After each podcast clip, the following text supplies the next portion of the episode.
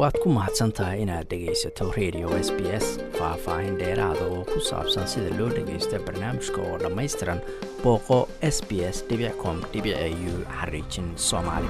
Iyadoo shacabka australia ee da-doodu ay ka weyn tahay lix iyo tobanka sano ay sagaashan iyo shan boqolkiiba qaateen labada tallaal waxaa socda dadaalo lagu doonayo in lagu tallaalo carruurta da-dooda u dhexayso shan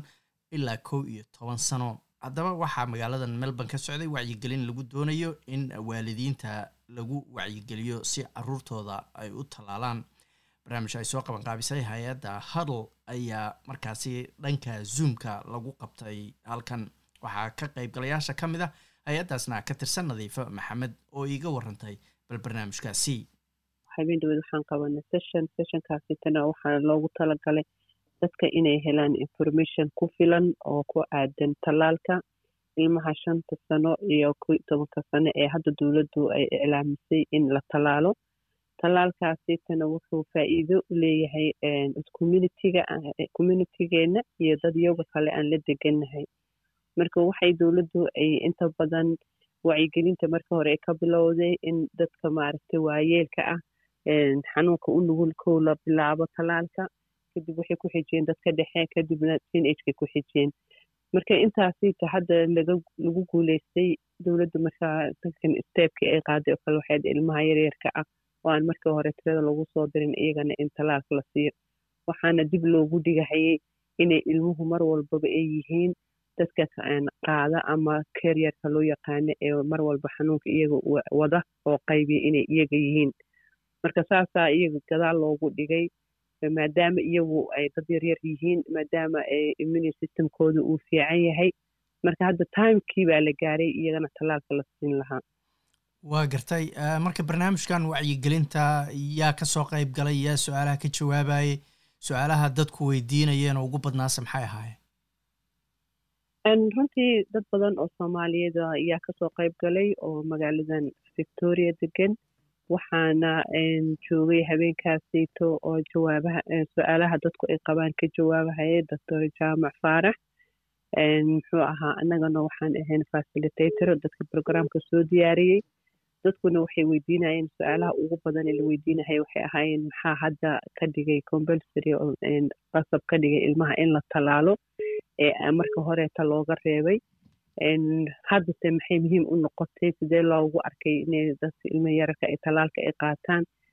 waxyaabaha tallaalka ilmaha ku keeni kara marka ay qaataan side effectiga ka imaan kara after tallaalka muxuu yahay waxa kaloo ay weydiinahayeen waa og tahay communitygeena waxawaaye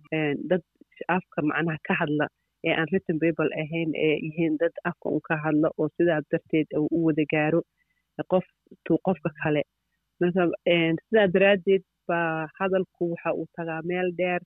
sidaasaytay leeyihiin kanaa la yiri hadday kan dhacdo maxaa kan marka wixii oo dhan wuxuu uga jawaabahaya intii aqoontiisa dhakhtarnimo ay maaragtay ay la eg tahay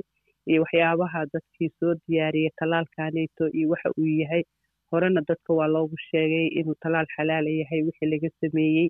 intaasoo dhan wacyi badan baa dadka lagu sameeyey sidaasay u qaateen. Haddana sidii si la mid ah ayaa ayaan mar labaad noogu celinayaa inuu tallaalku safe yahay inuu tallaalku uu yahay maaragtay tallaal xalaal ah oo wixii laga sameeyey ingredinka laga sameeyey uu xalaal u yahay. Waxa kaloo asna habeenkaasiti muxuaha goobjoogka ahaa sheekh ciise cabdow ilaahay khayr badan ha siiyo oo asagana dhinaca diinta ma aragtay kombeer ku sameynahayey oo uu sheegahayay faa'iidada ay leedahay tallaalka iyo muxuu ahaa waxa inaga inagaga gudboon bulsho ahaan ee aan bulshadeena loo arkin dad agenista ku ah oo tallaalka ka soo horjeeda marka sida communitiyada kale loo eego. Marka aad iyo aad buu u fiicnaa dadkuna aad bay su'aalihii ay weydiiyeen dhakhtarka uu uga kaafiyey waa gartay. Marka hadda waxaad moodaa arrimihii tallaalka iyo covid nineteenka sidii warbaahintu ay uga hadli jirtay hadda inaysan uga hadlin oo yaraatay. Marka waxaad is leedahay weli dadka soomaalida macluumaad badan bay u baahan yihiin markay noqoto tallaalka carruurta aad iyo aad aad iyo aad. Sababto ay tahay dadkeena qof wuxuu sheego ayaa wuxuu gaarahayaa kun qofood. Qofkaasita haddii uu wanaag uu gudbiyo wanaagga dadka qaata waa dadka ugu fudud oo hadal ku qaata xumaan la sheegana sidaasoo kale xumaanta uga qaata marka talaalku uu sidii kii hore oo kale weeyaan side effect wuu leeyahay oo dawada xitaa baanadoolka side effect leh laakiin waa wax aad u yar oo aad iyo aad iyo aad u yar. Xitaa bointiga lagu qiyaastay sidii kii horeto loo sheegay oo kale weeya ilaa iyo hadda lama hayo frayserka wax dhibaato ah uu ku keenay dadka. In badan baa gab dadku waxay yidhaahdaan muxuu ahaa xoogaa waxbaan ku arkay ha wuxuu leeyahay maalmaanta hore iyo maalinta labaad xoogaa yaroo madax xanuuna sometimes waxaad dareemaysaa yaqiiqsi camal inaa mata ku hayo oo kale. Waa laba maalmood. Wixii ka dambeeya isna normal. Wixii macnaha ku saabsan caafimaadka dhakhaatiirta caafimaadkii baa jooga oo ka sheekeynayso. Waxaad kaloo u tegi kartaa local doctorkaagii g b-ga oo aad ka wareysan kartaa. Side effectiga uu leeyahay especially dadka xanuunada gaarka qaba dadkaasito wax ay u tahay caawimaad fiican sababta ay tahay iyaga ayuu dhexdooda ku noolaan karaa jirkooda maadaama uu daciif u yahay. Wuu ku dhex noolaan karaa markaas intuu isku dhex bedelu nooc kale oo cusub oo magac kale horle loo bixi uu noqonayo sida hadda emocronka iyo kale oo inaga hadda aadna soo gaarin laakiin yurub qaybo badan laga helay. Iyo kii aad ogeyd oo delta aad isna khatarta ahaa oo ka imaaday dalka hindiya. Marka waxaasoo dhan marka la isu geeyo dadkeenu waa dad markay macluumaad ay helaan. Wax badanna la wacyigeliyo markaasayto sharciga qaata oo falow gareeya wixii dowladda u sheegay waa gartay marka hadda guud ahaan marka australia o dhan la fiiriyo sagaashan iyo shan boqolkiiba dad ku dhow baa labada tallaal qaatay.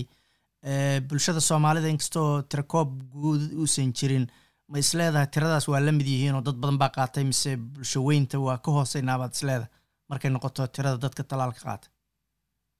maya maya waan ku jirnaa maasha allah dadka ugu fiican communityda marka loo eego dadka ugu fiican oo ugu fiican oo la jaan qaaday ayay communitygeena ka mid yahay. Communitygeena waxaan u malaynaya ninety five percentageka inay riij gareeyeen baba qof soomaaliyeed oon talaalnayn shantaasun bay ka mid yihiin ma ahani laakiin majority dadka soomaaliyeed labada tale xitaa way wada qaateen maasha allah waa dad maaragtay jecel caafimaadkooda iyo horumarka waddankan ka jirana dad la jaan qaadahayo dee ka mid noqon raba dadkanita ayay hadda maaragtay maadaama dee jiilba jiil ka dambeeya de jiil second generationka kale already maanta ilmahoodii ay maaragtay iskoolada attendi gareeyeen marka waa aad iyo aad integrationka hadda sidii hore wuu ka fiican yahay. Waa gartay hadda maadaama barnaamijkiina intiisa badan aad sheegtay inaad uga hadlayseen carruurta shan sano ilaa kow iyo toban sano jira ma walaac gaar ahay waalidiintu ka muujinayeen inay caruurtooda da-da yar tallaalaan? Maxaase loogu jawaabo walaacaas sidee looga biinaya wallaahi runtii annaga talaal hadda sessionka inaga wuxuu ku saabsanaa sidan kuu sheegay talaalka shan sano iyo kow iyo toban sano sayta kalena waxa ay ahayd buustiga dadka inay buustiga ay qaataan. Ha waalidku way qabeen muxuu ahaa waxa ay qabeen su'aal ah laba su'aalood bay qabeen waayo hadda ilmaha loogu soo daray talaalka inay qaataan? Iyo midda kale oo ah hadda haddaan qaadano buustiga buustigaasito ma every year buu noqon doonaa. Wax sii socda forever inta nolosheena ka dhiman miyuu noqon doonaa? Maxaa iman doona? Marka labadaba dhakhtarka wuu ka jawaabay wuxuu yidhi midda koowaad buustiga hadda waa la qaadanhayaa laakiin in the future inuu sii socon doono iyo in kale ilaa ay hadda lama decide gareen wax macnaha outcoming ah oo aan haynana in la qaadan doono ma jirto. Ilmaha lagama rabo buusta inay qaataan just laba talaal keliya waaye. Kan koowaad iyo kan labaad. Tida